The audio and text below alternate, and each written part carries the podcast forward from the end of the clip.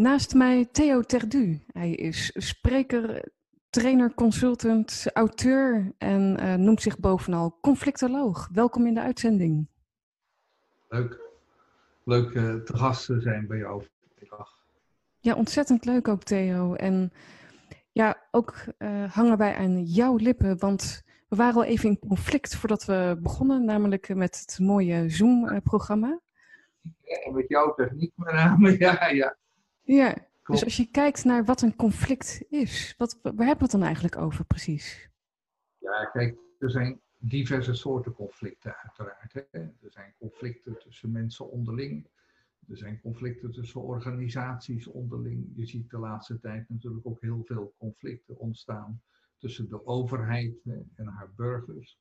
Uh, eigenlijk is een conflict uh, een weerspiegeling bij wat ten diepste bij iemand zelf leeft.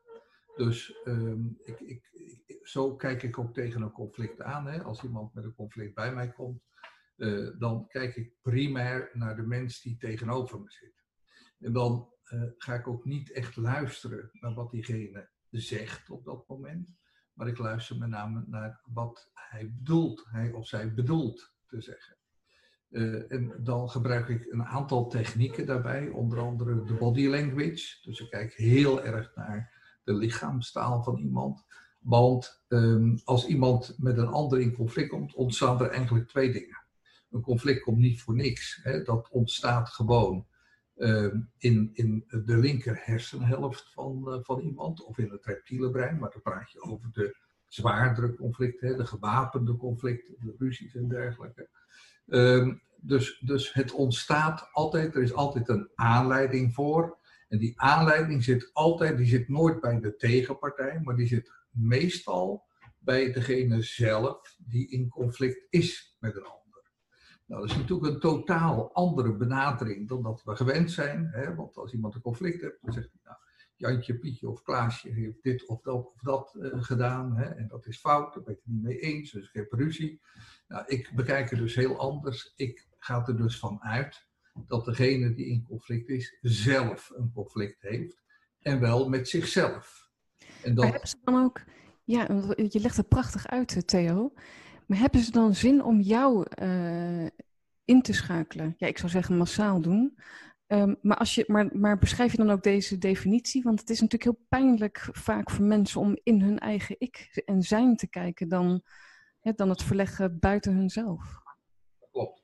Maar wat het hele mooie is, en zo benaderen we conflicten vanuit de conflictologie, uh, dat is dat elk conflict ook weer een nieuwe kans is. Dus als iemand een conflict heeft, dan creëert hij eigenlijk daarmee een nieuwe kans voor zichzelf.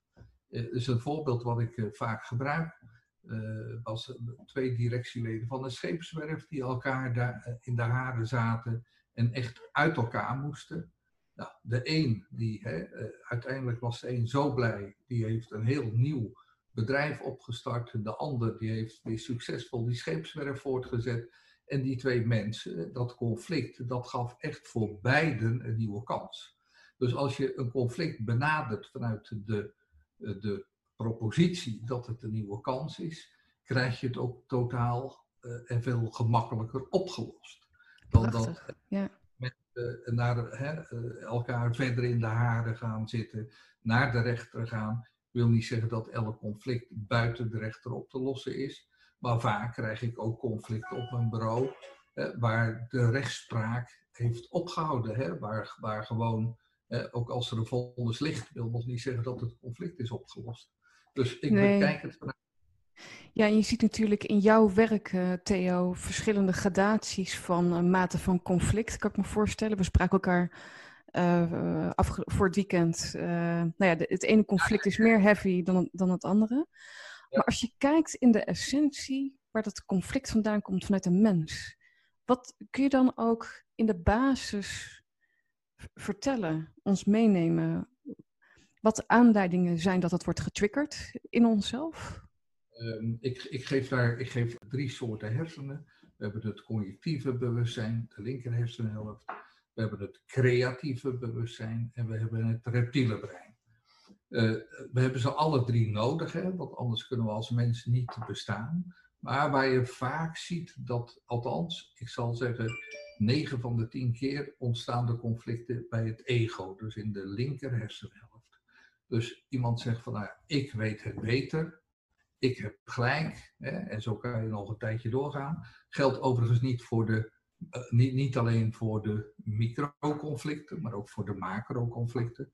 Dus ook de grote wereldconflicten. Die ontstaan allemaal op dezelfde manier. Nou, wat is nu de grote kunst? Dat is om mensen ervan bewust te maken dat uh, de oplossing van een conflict ook in zichzelf zit. En wat ik eigenlijk doe, dat is het conflict van de linker hersenhelft overbrengen naar de rechter hersenhelft.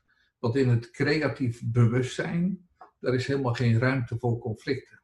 Prachtig, en dat is wat ik ermee bedoel om te zeggen van, ik creëer gewoon een nieuwe kans. En die nieuwe kans, die zit in het creatief bewustzijn. Misschien heel technisch hè, voor, uh, voor de kijkers, maar zo werkt het eigenlijk gewoon in de praktijk wel. Dus een conflict wordt niet juridisch bekeken, maar met name vanuit de psychologie, de, de sociologie, maar ook vanuit de economie. Ja. Het, het bewustzijnsproces dat is natuurlijk wel op gang bij mensen. Is in ieder geval mijn eigen ervaring. En die verschuiving zie je ook wel, de mate van bewustzijn. Um, wat, wat zie jij hierin ontstaan? Ik zie, uh, en, en er zijn altijd uh, indicatoren van buitenaf die dat eigenlijk stimuleren. Hè. Daar is COVID-19 er eentje van, dat mensen zich veel sneller bewust worden ook van vrijheden die we hebben, die we eigenlijk heel gewoon vinden. Maar je ziet dan ook hè, dat als die vrijheden worden afgenomen, dat er onmiddellijk conflicten ontstaan, ook maatschappelijke conflicten. Uh, uh, ik zie wel de trend ontstaan dat men er wel erg aan moet wennen, hè, aan een totaal nieuwe benadering en een nieuwe manier van kijken op conflicten. Uh, maar dat het wel veel sneller voedingsbodem heeft nu dan bijvoorbeeld uh, vijf of zes jaar geleden. Dus ik zie die bewustwordingstrend bij mensen, uh, die zie ik wel sneller gaan dan ooit tevoren. Ja. Alhoewel hè, het aantal conflicten, dat zie ik ook wel weer toenemen.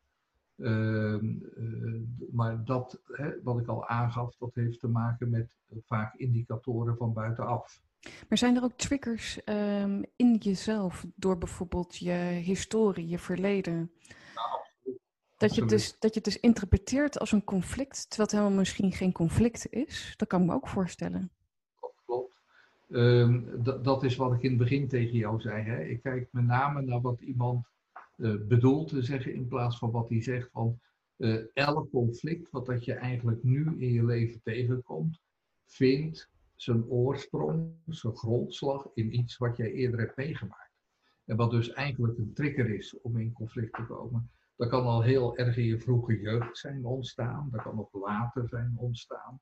Uh, maar veelal zijn het eigenlijk reflecties naar eerdere situaties en dan ben je er niet van bewust dat die situaties toen op dat moment een hele grote impact op je leven hebben gehad. Eh, en dan zie je toch vaak dat ze terugkomen later. Ja, en dat is ook eigenlijk een proces, dat is ook een leerproces. Ja. Wat, wat mensen ondergaan, hè, doordat ze eigenlijk dingen moeten opruimen dan in zichzelf. Want als je dan voorwaarts kijkt, inderdaad, wat is vaak nodig voor de mens om een stap voorwaarts te kunnen maken in een conflict? Wat, wat, wat vraagt dat van mensen? Uh, dat, dat vraagt met name een stuk zelfreflectie van uh, mensen hebben heel snel de neiging om, om alle schuld bij een ander neer te leggen. Uh, en, en als mensen in staat zijn om meer naar zichzelf te kijken uh, en het conflict voor zichzelf te proberen te analyseren, van nou, hè, is Jantje, Pietje, Klaasje nou echt wel zo slecht? Hè?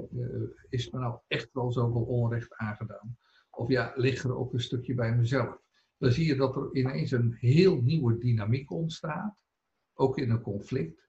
En dat er op dat moment uh, openingen ontstaan, mogelijkheden ontstaan, om dus een conflict op een hele harmonieuze manier op te lossen. Ja, dus meer constructief. Ja. ja de, haal je de scherpe kantjes ervan af.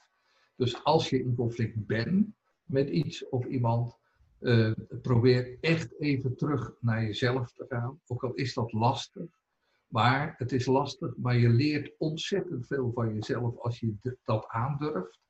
En dan zal je zien dat automatisch een conflict uh, de scherpe kantjes er wat afgaan. En als je dan goed begeleid wordt door een mediator of door een advocaat of door een conflictoloog, dan uh, zie je ook dat een conflict zich veel sneller en veel koninklijker oplost. Koninklijker ook, ja. Koninklijker, ja. Ik ben altijd voor de koninklijke oplossingen. Ik wil er ook wel zo uitzien, ja. Ja, oh, nou, dankjewel. Mooi. Uh, Theo, dankjewel. Ik kan me ook voorstellen dat daardoor ook gesprekken op een meer constructieve manier met elkaar gevoerd kunnen worden. Opener manier. Meer open. Veel respectvol naar de ander toe. Ja. Dat zijn met name ook uh, de dingen waar je later gewoon, als je erop terugkijkt, ook voor jezelf veel meer voldoening uh, van hebt. Dus als je in conflict met iemand bent geweest en het wordt op een hele respectvolle manier opgelost. Ja. Dankjewel, dankjewel voor dit inkijkje in jou, uh, in jou en voor het delen. Graag gedaan. Veel succes. Bedankt.